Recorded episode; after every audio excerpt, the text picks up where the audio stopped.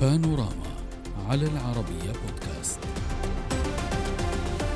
المزيد من الوثائق السرية اكتشفتها وزارة العدل أثناء تفتيش منزل الرئيس الأمريكي جو بايدن في ويلمينغتون بولاية ديلاوير وفق إعلان محامي الرئيس. فقد كشف المحامي بوب باور أن تفتيش منزل الرئيس الأمريكي أسفر عن العثور على ستة وثائق سرية إضافية تقع ضمن نطاق تحقيقات وزارة العدل. كما أضاف محامي الرئيس الأمريكي أن بايدن وزوجته لم يكونا موجودين أثناء التفتيش التفتيش مشيرا إلى أن الرئيس سمح بتفتيش منزله للتحقق من وثائق تعود لفترة منصبه كنائب للرئيس في عهد باراك أوباما. وتضاف الوثائق الجديدة إلى أخرى عثر عليها في المنزل في ولاية دلاوير وفق ما كشف البيت الأبيض قبل عشرة أيام. ومجموعة ثالثة من الوثائق عثر عليها في مكتبه السابق كذلك في مركز أبحاث بواشنطن. نناقش هذا الملف مع ضيوفنا. من واشنطن الدكتور إدمون غريب الأستاذ في العلاقات الدولية. أهلا بك. ومن واشنطن دائما بشار جرار الكاتب والمحلل السياسي. أهلا بكم ضيفاي واسمح لي أن أبدأ معك دكتور إدمون تراكم الأزمات والمواقف الصعبة التي يعيشها بايدن هل يمكن أن تقصيه من حلم سباق الرئاسة تعتقد؟ فعلا هذه نقطة مهمة جدا تحياتي لك في البداية وللصديق الدكتور جرار.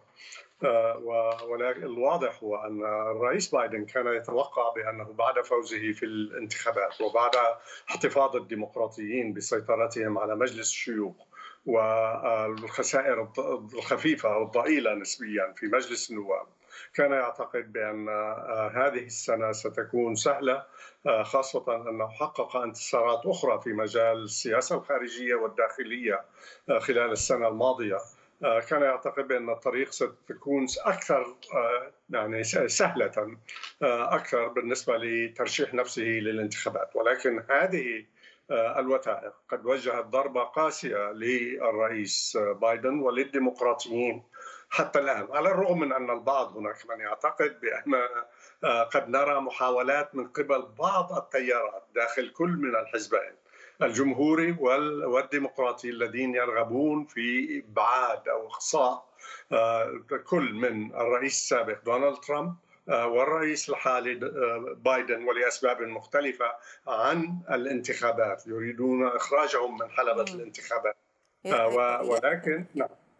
يعني هناك حديث عن محاولة طرح أسماء جديدة في الواقع.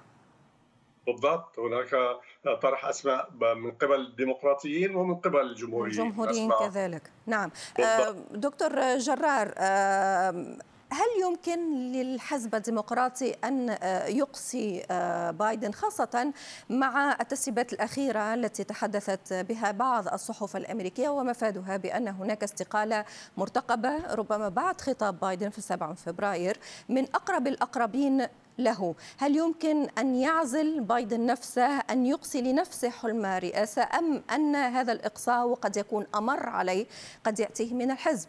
أستاذ ريم بداية يعني أنا أتفق تماما مع ذهب إليه أستاذنا الدكتور إدموند. بالفعل هناك توجه يتنامى من كلا الحزبين بأن يتم تنحية الطرفين عن ساحة السباق الانتخابي للأضرار التي ترتبت عن التجربتين مع الفارق طبعا. ولكن هذه الاستقالة الآن أو الاستقالة المرتقبة أو الإقالة المستدركة لرون كلين رون. كلين هذا يعني من أسمائه هي nickname الخاص به هو رون برين هو الدماغ السياسي للرئيس بايدن ليس فقط كرئيس وإنما كان معه ك chief of staff كبير الموظفين عندما كان نائبا للرئيس والعلاقات معه كانت من من مطلع الثمانينيات عندما كان سنتر وهذه الدفعة الأخيرة حتى الآن الخامسة التي تم عثور عليها من الوثائق تعود إلى إبان خدمته كسنتر كعضو في مجلس الشيوخ عندما بدأ في عام 73 نعم. هذا يشير إلى أي مدى هذا الصدع؟ بالفعل سيضعضع ليس فقط إدارة الرئيس بايدن وإنما أيضا الهيكل الديمقراطي الحزب الديمقراطي إنجاز التعبير. لأن هناك الآن تطلع إلى تجاوز هذه الفضيحة التي وضع به نفس يعني للأسف بمقارنة مع سلفه الرئيس ترامب. ولا تنسى أيضا الأوساط التي تراقب باهتمام هذا الملف. أن الفضيحة بدأت بعهد هيلاري كلينتون وزيرة الخارجية ابان فضيحه ما عرف بفضيحه بنغازي. 30 ألف إيميل كانت على server خاص. والتجاوب لوزارة العدل وخاصة ال FBI كان فارقا. بين كيف تعامل ولكن آه، دكتور جرار طالما حضرتك قاربت بين ما يعيشه الحزب الديمقراطي اليوم وما آه، عاشه حزب الجمهوريين فيما قبل هل ترى بأن آه، تعاقب هذه الأزمات يمكن أن يحدث شرخا داخليا كالذي عشناه واتبعناه وشفناه في الحزب الجمهوري؟ صحيح لأنه هذا واضح أن كل الازمات هذه آه، تعود مرة أخرى وتذكر القاعدة، القاعدة الجماهيرية للحزبين هل هذا الأداء مرضي؟ وهل هذا ما انتخبت من أجله؟ ونلاحظ أن في الانتخابات منذ عهد يعني إدارة آه، آه، باراك أوباما الأولى والثانية وحتى هذه ما تسمى أيضا الثالثة للرئيس بايدن كثير مما تم الإعلان عنه جاء مخيبا للأمال يعني حتى في أوساط الحزب الديمقراطي نعم. هناك حالة تململ بأنه ليس هذا ما كنا نطمح أن يكون بعد الاستلام البلاد من الرئيس ترامب الذي استطاع بشكل أو بآخر أن يوحد كل قوى الحزب الديمقراطي في في استعدائه، الآن هناك بدائل، بدائل ليس فقط لبايدن تنافس وإنما أيضا للرئيس ترامب. كما لاحظنا من خلال معركة رئاسة مجلس النواب الأمريكي مؤخرا. نعم نفس السؤال لحضرتك سيد إدموند هل تعتقد بأن ضيفي يقول الهيكل يمكن أن يتضرر مع تراكم هذه الأزمات على الحزب الديمقراطي ويتحدث حتى عن إمكانية انقسامات داخلية؟ هل يمكن أن يتلقف الحزب الأمر أن لا يخطئ بخطأ الجمهوريين؟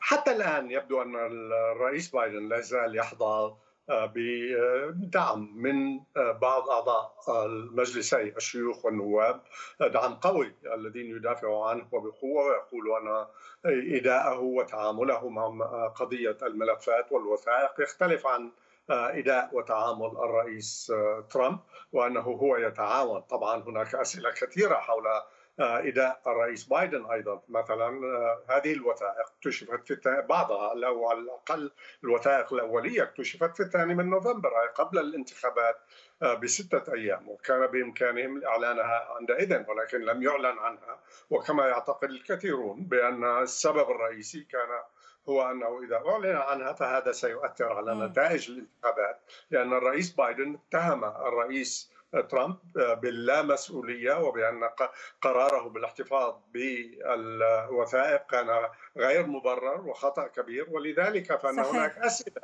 حول هذا الموضوع. ولكن آه، دكتور دكتور ادموت فقط آه، تفاعل مع حضرتك. لما تقول بأن هناك جانب ما زال يدعم وبقوة آه، بايدن هذا يقربنا كذلك من الصورة الموجودة داخل الحزب الجمهوري. هناك كذلك داعمون أقوياء جدا لترامب.